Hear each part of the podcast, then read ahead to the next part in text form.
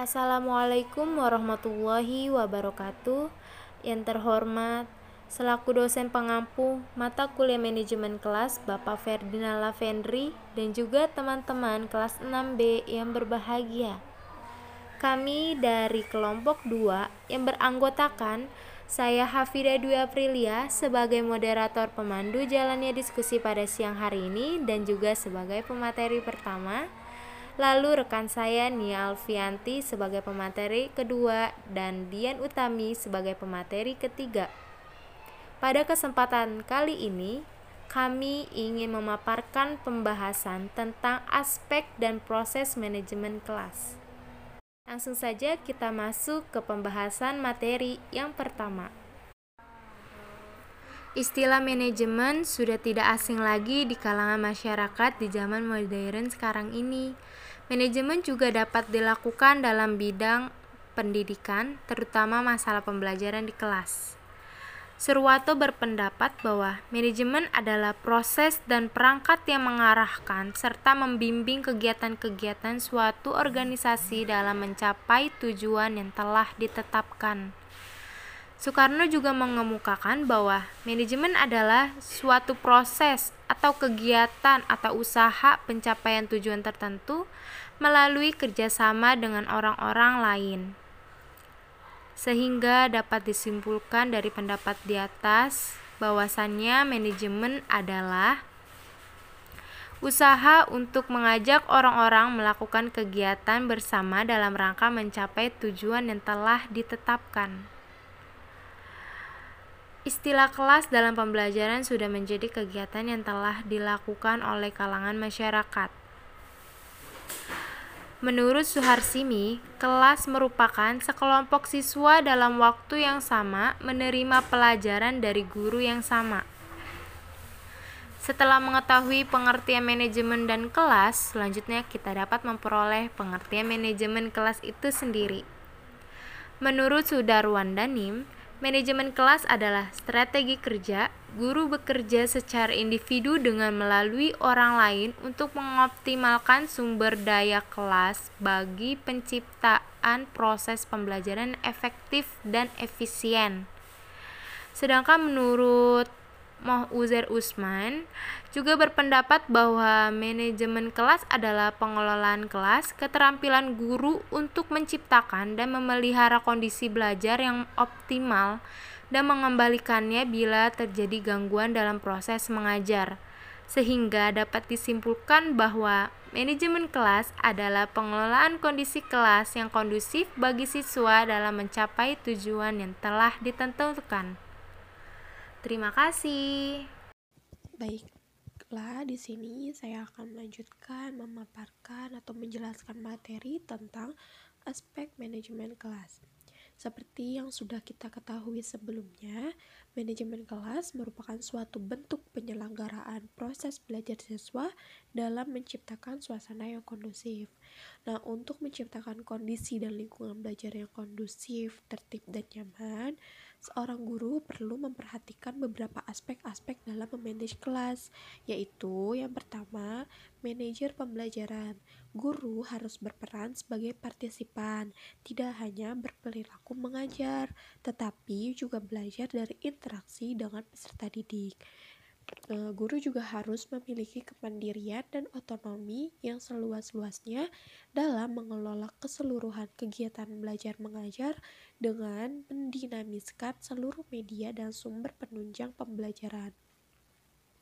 Yang kedua yaitu pelatih. Guru memberikan peluang bagi peserta didik untuk mengembangkan cara-cara pembelajaran sesuai dengan kondisi masing-masing uh, guru hanya memberikan prinsip-prinsip dasar dan tidak memberikan satu cara mutlak yang mesti dianut oleh peserta didik. Yang ketiga yaitu konselor. Guru mampu menciptakan interaksi belajar mengajar yang menyenangkan di mana peserta didik dapat berperilaku positif dalam proses belajar dan pembelajaran yang dialaminya yang dibangun dalam suasana psikologis yang kondusif. Yang keempat yaitu fasilitator. Sebagai fasilitator, Guru juga berperan sebagai motivasi dan memfasilitasi kegiatan belajar peserta didik. Nah, selain itu juga, guru harus mampu memahami kondisi yang dihadapi oleh setiap peserta didik dan membantu peserta didik ke arah perkembangan potensi dan kepribadian yang baik dan optimal. Yang kelima yaitu kreator. Guru berperan sebagai kreator proses belajar mengajar di mana ia dituntut untuk dapat menguasai perkembangan teknologi di bidangnya untuk merancang dan menyampaikan pembelajaran secara lebih profesional dan menarik melalui media pembelajaran yang tepat dan up to date. Yang keenam yaitu pemimpin. Guru diharapkan menjadi seseorang yang mampu menggerakkan peserta didik agar tergerak mencapai tujuan belajar dan pembelajaran yang telah ditetapkan sebelumnya. Dan yang terakhir yaitu pengarang. Guru harus kreatif dan inovatif dalam menghasilkan karya yang akan digunakan untuk melaksanakan tugas-tugas profesionalnya. Guru harus mandiri, bukan sebagai tukang yang harus mengikuti satu buku petunjuk yang baku, melainkan sebagai tenaga kreatif yang mampu menghasilkan berbagai karya inovatif dalam bidangnya. Nah, ada juga aspek-aspek dari manajemen kelas uh, menurut Sagala. Yang pertama yaitu lingkungan fisik. Masalah yang paling penting di dalam manajemen kelas berkenaan dengan penataan lingkungan fisik yang meliputi ruangan tempat berlangsungnya proses belajar mengajar, penataan keindahan dan kebersihan, pengaturan tempat duduk siswa, ventilasi pengaturan cahaya, dan pengaturan penyimpanan alat-alat pembelajaran. Yang kedua yaitu kondisi sosio-emosional uh, yang meliputi tipe kepemimpinan, sikap guru, suara guru, dan juga pembinaan hukuman baik. Terakhir, yang ketiga yaitu kondisi organisasi. Uh, faktor kondisi organisasi yang mempengaruhi pengelolaan kelas atau manajemen kelas dibagi menjadi dua golongan, yaitu yang pertama faktor internal peserta didik yang berhubungan dengan masalah emosi, pikiran, dan perilaku, dan faktor eksternal peserta didik yang berkaitan dengan masalah suasana lingkungan belajar, penempatan peserta didik, pengelompokan peserta didik, dan jumlah peserta didik. Sekian pemaparan materi dari saya. E, materi selanjutnya akan dijelaskan oleh teman saya yaitu Dian Utami. Terima kasih. Nah, baik, saya Dian Utami. Di sini saya akan melanjutkan e, mengenai proses manajemen kelas. Nah, dalam keseluruhan proses pendidikan, kegiatan belajar mengajar itu merupakan kegiatan yang paling pokok. Nah, ini berarti bahwa berhasil atau tidaknya pencapaian pendidikan banyak tergantung kepada e, bagaimana proses belajar mengajar yang dirancang dan dijalankan secara profesional oleh guru tersebut. Nah, karena itu e, guru perlu siap dengan segala kewajiban baik manajemen maupun persiapan isi materi pengajaran. Nah, guru juga guru juga harus mengorganisasikan kelasnya e, dengan baik.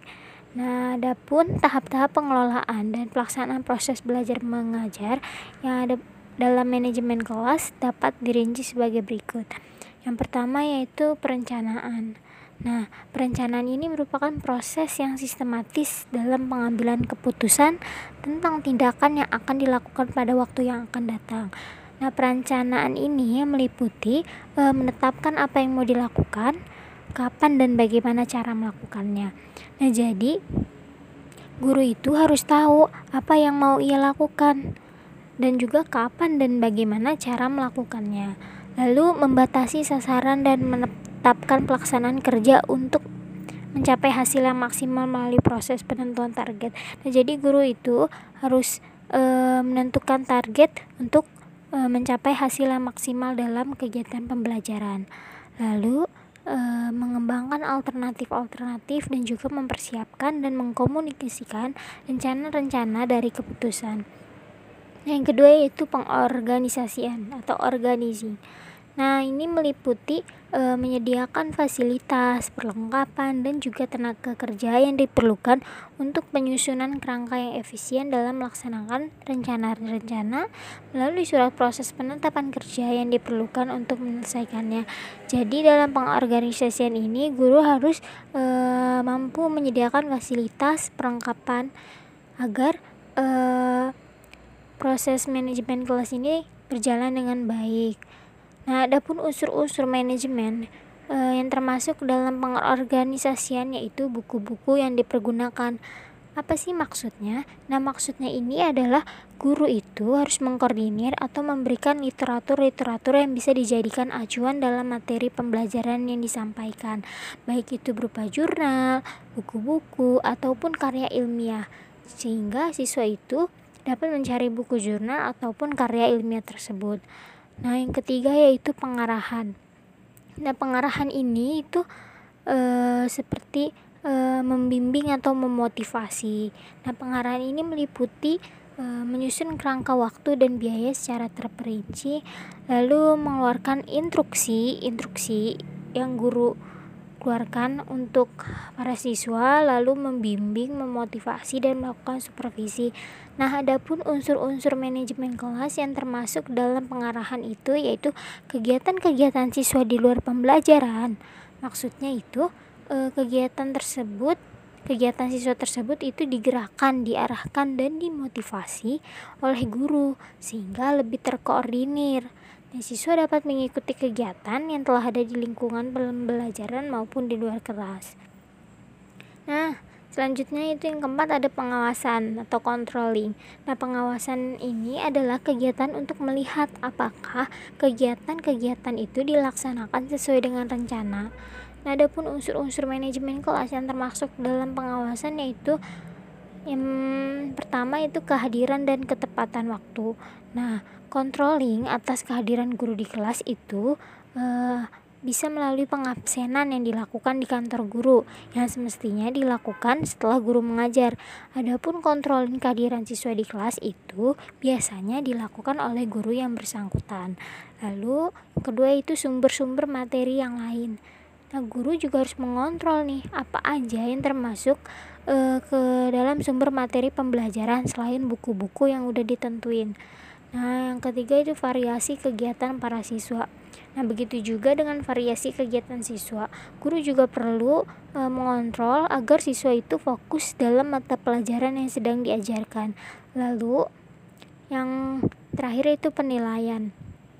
Nah, ini juga sangat penting dalam manajemen kelas karena e, jangan sampai penilaian guru terhadap siswa itu nggak objektif sehingga itu dapat merugikan siswa. Lalu yang kelima itu ada evaluasi. Nah, pada hakikatnya, evaluasi ini juga merupakan suatu kegiatan untuk mengukur perubahan perilaku yang telah terjadi. Nah, pada tahap ini, eh, kegiatan guru adalah melakukan penilaian atas proses belajar mengajar yang telah dilakukan. Nah, dengan evaluasi ini mungkin eh, dapat diukur kuantitas dan kualitas pencapaian tujuan belajar. Nah, sekian presentasi dari kelompok 2. Uh, kurang lebihnya mohon dimaafkan. Wassalamualaikum warahmatullahi wabarakatuh.